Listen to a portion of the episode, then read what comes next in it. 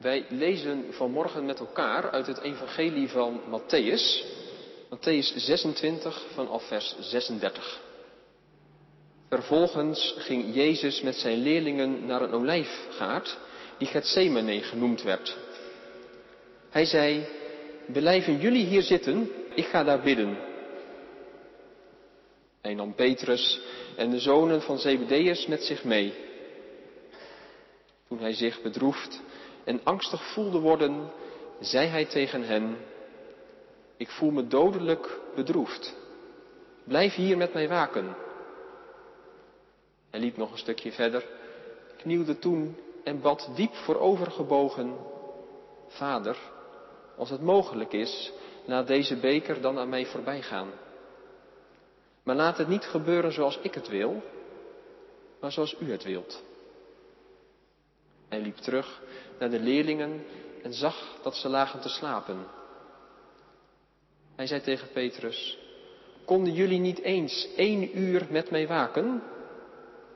Blijf wakker en bid dat jullie niet in beproeving komen. De geest is wel gewillig, maar het lichaam is zwak. De tweede maal liep hij van hen weg en bad, Vader, als het niet mogelijk is dat deze beker aan mij voorbij gaat, zonder dat ik eruit drink, laat het dan gebeuren zoals u het wilt. Toen hij terugkwam, zag hij dat ze weer sliepen, want ze waren door vermoeidheid overmand.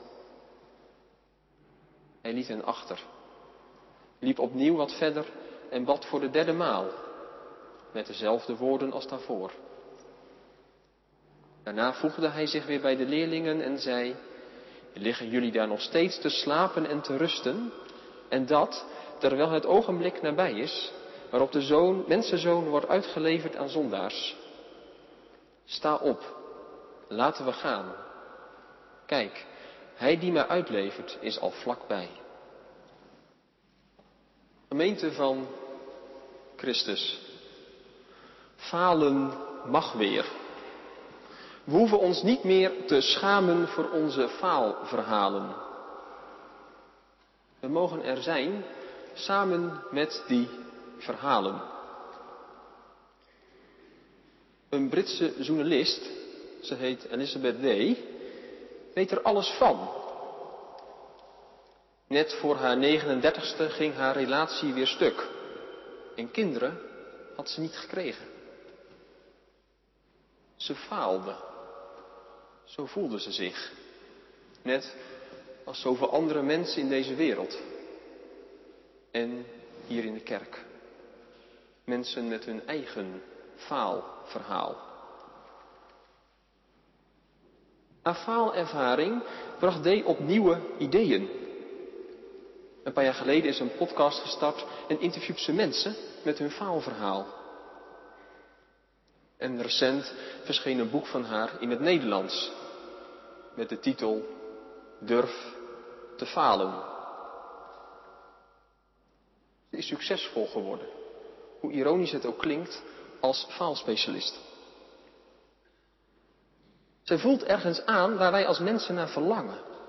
Om er gewoon te mogen zijn met jouw verhaal, met jouw faalverhaal, met jouw mislukking, met jouw fouten. Faalverhalen. De wedstrijd die een ander won. Die mislukte deed. Waar je echt je best voor had gedaan. De aandacht die je partner en je kinderen nauwelijks van je kregen, maar wel verdienden. Het dieet, de sportschool, waar je eigenlijk geen discipline voor op kon brengen. Falen. We hebben allemaal ons eigen verhaal wel te vertellen. In onze Bijbel staan niet alleen succesverhalen. Nee, ook aan de faalverhalen wordt aandacht gegeven. En volgens mij is het gebeuren daar in Gethsemane één van die verhalen. Van die verhalen die weinig hoogdravend zijn. En zeker niet succesvol. We zien Jezus en zijn leerlingen. We zien ze worstelen vol vrees en verdriet. En die leerlingen zien we vervuld met slaap. Een falend tafereel. Daar aan die voet van de olijfberg. Vier mannen die falen. De leerlingen van Jezus falen. Slapen als gevraagd wordt te waken. Dat doet mij denken aan het verhaal van Jezus. Ook in het Matthäus-evangelie. Het verhaal van die meisjes met hun olielampjes. Ze moesten waken, maar vielen in slaap. En dan zegt Jezus, waak, want je weet niet wanneer de bruidegom komt. Waken, dat is alert zijn op de dag van Jezus. En Jezus zegt nu, hier in Matthäus 26, in Gethsemane, tegen zijn leerlingen, ik voel me dodelijk bedroefd. Blijf hier, met mij waken. En juist dan vallen ze in slaap. Wakker blijven. Om er voor Jezus te zijn. Hem te ondersteunen op zijn lijdensweg. Volgens mij is dat wat Jezus hen vraagt.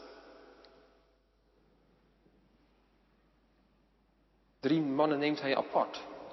Dat zijn Petrus, Jacobus en Johannes. Zij horen bij Jezus. Zij zijn een groepje met topleerlingen van hem. Ze waren erbij op die hoge berg. Toen Mozes en Elia er waren, samen met Jezus. En nu neemt Jezus hen mee, als hij het moeilijk krijgt. Petrus, die kennen we wel, die man die altijd voorop loopt. En Jacobus en Johannes, dat zijn de zonen van Zebedeus. En zij hebben een moeder die uiterst bezorgd is over hun carrière. Ze wil graag dat haar ene zoon links van Jezus zit en de ander rechts. Straks, als Jezus in zijn koninkrijk is. En hen neemt hij mee. Hen vraagt Jezus te waken. Maar wij, wij zien hen vooral falen. Falen. Want ze vallen in een diepe slaap. Vermoeid zijn ze. Hun ogen zijn zwaar. En verderop lijkt Jezus. Maar dat lijkt niet door te dringen bij hen. Want ze zijn moe. Ze slapen door. Zelfs als ze drie keer wakker gemaakt worden. Jezus komt naar hen toe. Maar het helpt niet. Het lijkt erop dat ze even luisteren. En dan zich weer omdraaien en verder slapen. Interesseert het hen niet wat Jezus daar doet, op zijn knieën? Zien zij dan niet zijn met angst verwrongen gezicht, de diep bedroefde ogen? Dit, wat daar gebeurt in Gethsemane, is mensonterend. Dat doe je niet als je iemand ziet lijden. Als je iemand ziet lijden, dan kom je diegene te hulp. Een glas water. Waken aan een bed. Een arm om iemand heen. Je bent er gewoon. Als medemens. Petrus, Jacobus en Johannes falen. Dat is wel duidelijk. Ze zijn er niet als Jezus hen nodig heeft. En bidden doen ze trouwens ook niet. Misschien is dat wel het probleem. Waak en bid, zegt Jezus. Waak niet alleen, maar bid ook met mij. Ik wil gedragen worden door jullie gebeden. En de kracht ken je van het gebed, als je dat hebt ervaren. Toen in het ziekenhuis, of bij het overlijden van een geliefde. Of toen in die moeilijke periode. De kracht van bidden. De leerlingen van Jezus falen. Ze blijven niet wakker. Ze bidden ook niet. En juist dat zou hen helpen. Bidden en waken. Ze falen omdat ze niet meelijden. Omdat ze geen medelijden hebben met Jezus. En nu even naar ons. Hoe wakker zijn wij hier in de kerk? Hoe vaak dommelen wij niet in slaap? We weten wel dat we Christus nodig hebben. Dat we alleen kunnen leven van wat Hij deed. Maar dat kan ons ook lui maken. We zien Jezus lijden. We zien mensen om ons heen misschien wel lijden. En we doen niks. We gaan gewoon door met het leven. Gewoon ongeïnteresseerd. Het raakt ons niet. We doen onze ogen dicht. En we zien het lijden om ons heen niet meer. En daar liggen ze dan in Gethsemane te slapen. Daar waar Jezus om hulp verwachtte. Maar niemand helpt hem. Hij is alleen. Niemand is geïnteresseerd in zijn verhaal. De profeet Jezaja had het al gezegd. Jezaja zei al, hij werd veracht en door mensen gemeden. Maar dat zelfs zijn leerlingen hem links lieten liggen, wie had dat verwacht? De enige die iets zegt en doet in Gethsemane, dat is Jezus. Zijn leerlingen doen hun mond niet open. Ze reageren niet op wat Jezus zegt. We zien ze alleen met Jezus meelopen. En dan slapen. Meer niet. En dat is een nare ervaring. Als je aan het praten bent met iemand. En iemand zegt niks terug. Als je compleet genegeerd of vermeden wordt. Dat overkwam Jezus. En dat zien we hier in Gethsemane. Hij werd veracht en gemeden door zijn leerlingen.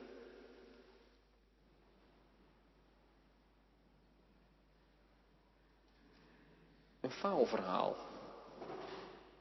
Slaperig in het geloof. Niet wakker. Geen gebed. En vooral, het contact met Jezus is weg. Volgens mij is dat het punt waar het om gaat. Hier in dit verhaal. Het contact tussen Jezus en zijn leerlingen is er niet meer. Jezus probeert het drie keer. En drie keer draaien ze zich weer om. En vallen ze, zich, vallen ze weer in slaap. Geen contact met Jezus.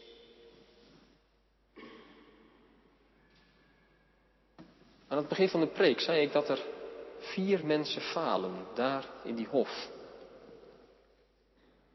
Het zijn niet alleen de leerlingen die falen.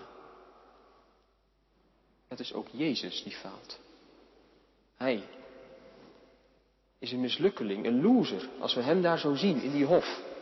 Alles loopt fout. Zijn leerlingen luisteren niet. De vader verhoort hem niet. En hij is zelf angstig en bedroefd. Jezus, een mens zoals wij. Hij faalt samen met ons. Matthäus schreef in het begin van zijn evangelie over God met ons.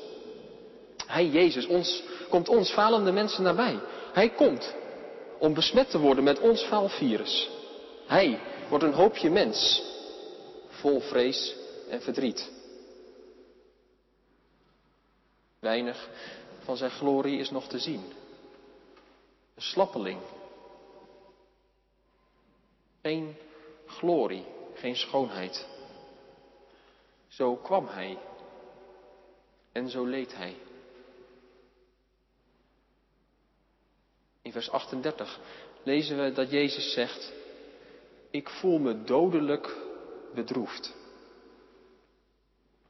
Letterlijk in het Grieks staat zoiets als, mijn ziel buigt zich neer in mij. Een citaat uit de psalmen. Psalm 42 en Psalm 43. Mijn ziel buigt zich neer. Jezus weet wat dat is. Hij weet wat het is om bang en verdrietig te zijn. Om verlaten te worden door de mensen om je heen.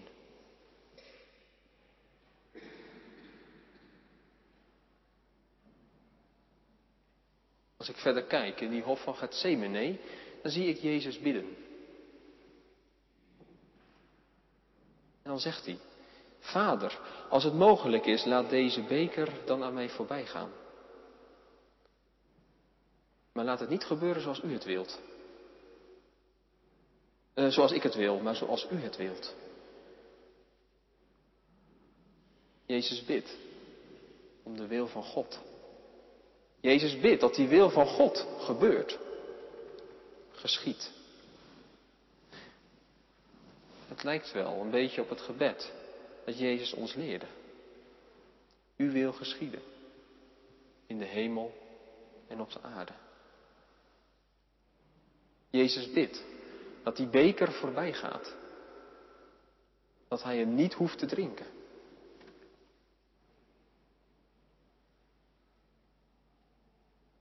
En dan gaat hij weer bidden. Maar dan lijkt het alsof hij voelt dat die beker niet meer voorbij gaat. Dat hij hem moet drinken. We lezen in vers 42, voor de tweede keer liep hij van hen weg en bad, Vader, als het niet mogelijk is dat deze beker aan mij voorbij gaat, zonder dat ik eruit drink, laat het dan gebeuren zoals u wilt. Jezus moet de beker toch drinken. En zo, zo gebeurt de wil van God. Er is voor Jezus geen uitweg meer. Hij bidt nog wel tot zijn Vader, maar er verandert niets meer. Ook de derde keer niet als Jezus bidt. Gods besluit staat vast. Jezus moet drinken. Jezus moet de beker van de toorn van God drinken. Zeg maar, de beker van de boosheid van God. En die beker is heel anders. Compleet anders dan die beker die hier een paar keer per jaar rondom de tafel gaat. De beker die Jezus moet drinken is een beker die gevuld is met ons falen, ons mislukken, onze fouten en onze zonden. Die beker van Jezus is gevuld met al die keren dat jij niet de wil van God deed. En Jezus, Hij drinkt hem tot op de bodem. Als je kijkt naar het leven van Jezus, dan zie je dat hij steeds meer kennis maakt met die beker. Dat het steeds duidelijker wordt wat het betekent om juist die beker te drinken.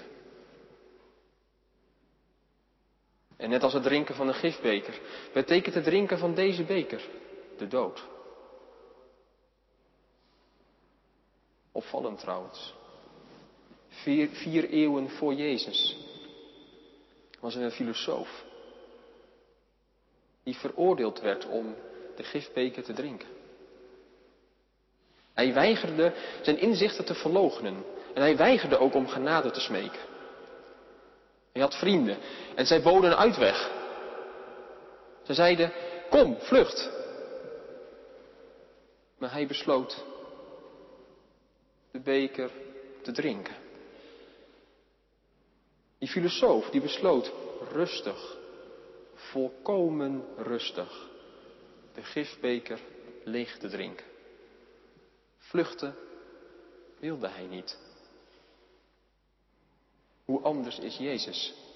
Steun heeft hij niet van vrienden. Verdriet en angst blijven bij Jezus over. Jezus bidt om een uitweg, maar die komt er niet. De wil van zijn vader staat vast. Hier in Gethsemane wordt het Jezus duidelijk. Mijn vader, laat de drinkbeker niet aan mij voorbij gaan. Ik moet lijden.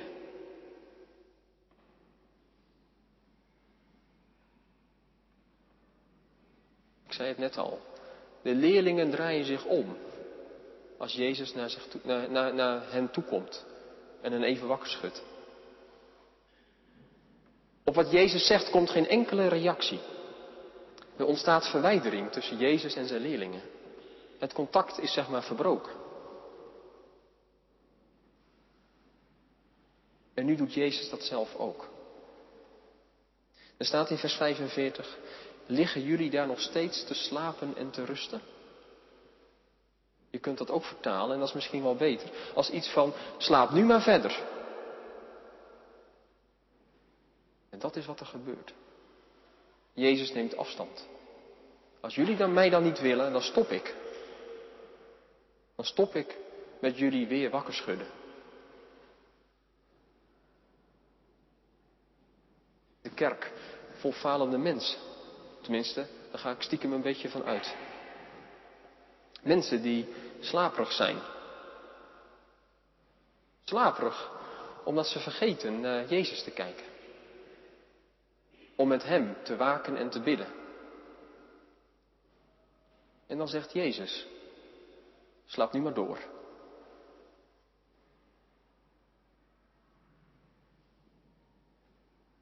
Is dat alles wat Jezus zegt? Of zegt hij nog meer? Opvallend ineens. In het laatste vers van wat we gelezen hebben met elkaar, vers 46. Hij zegt, sta op, laten we gaan. Heel opvallend, heel apart eigenlijk, wat Jezus hier doet. En Matthäus beschrijft het vaker in, het in zijn evangelie. Vaker komt het voor. Dat Jezus zegt, sta op. In Matthäus 8 zegt hij het tegen de schoonmoeder van Petrus. Hij ligt ziek op bed met koorts. En hij zegt, sta op. En zij staat op en is gezond. In Matthäus 9 zijn het verlamden. Is het een verlamde die door vrienden bij Jezus gebracht worden, wordt. En Jezus zegt, sta op. En prompt loopt hij weg met zijn matras. Verderop in Matthäus 9 staat het verhaal van die leider van de synagoge. Met dat dochtertje. Met dat meisje dat is gestorven. En Jezus loopt naar haar toe. Reikt haar de hand. En ze staat op. Nog een laatste voorbeeld. Ik had het net over die berg. Die berg waar Jezus samen met zijn leerlingen was. Samen met Petrus, Jacobus en Johannes. Daar op die berg. Spreekt in één schot de Vader. En dan schrikken ze. En dan staat er, toen de leerlingen dit hoorden, wierpen ze zich neer en verborgen uit angst hun gezicht. Jezus komt dichterbij, raakt hen aan en zegt, sta op, jullie hoeven niet bang te zijn. Blijkbaar gebeurt er vaak iets bijzonders als Jezus zegt, sta op. Een vrouw met koorts, een verlamde man, een meisje dat gestorven is. Bange leerlingen. Sta op. Dat is blijkbaar iets bijzonders. Naar mijn idee brengen die woorden, sta op, laten we gaan. Volgens mij brengen die woorden Jezus en zijn leerlingen weer bij elkaar. Sta op, laten we gaan. Dat is verbinding tussen Jezus en zijn leerlingen. Net als toen op die berg, toen ze bang waren. Dat waren trouwens dezelfde discipelen, opvallend weer. Sta op. Betekent zoveel als ontwaken. Betekent opstaan uit de veiligheid van je slaap.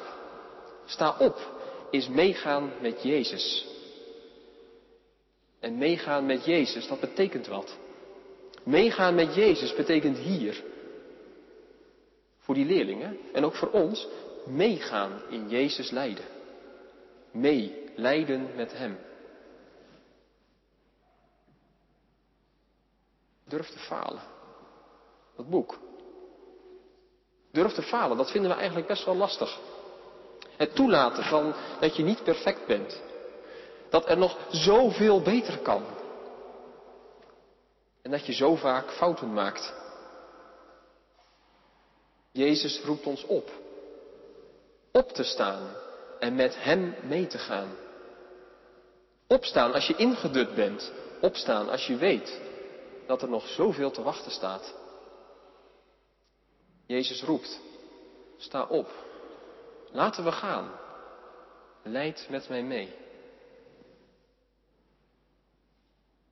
Dat betekent geen kalme reis. Dat betekent door stormen heen pelgrimeren. Dat staat daar op de zijkant van de kerk. Door stormen heen pelgrimeren. Dat betekent het volgen van Jezus. Onze God is een leidende God. En zo, op die manier is Hij ons nabij en redt Hij ons. Hij kent ons. Hij kent ons lijden. Hij weet wat jij meemaakt. Hij is een zwakke God met leerlingen die slapen. En als er iemand durfde te falen, dan was het Jezus. Dieper dan wij vielen, viel Hij om ons op te vangen. Ons op te vangen uit de val, uit onze eigen val.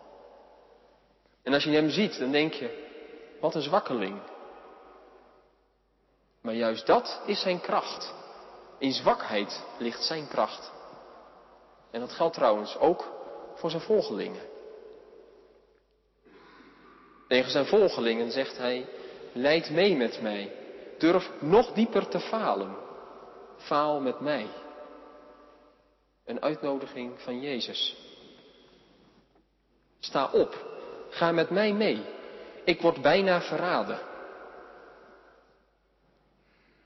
In vers 46 staat er, na sta op en laten we gaan.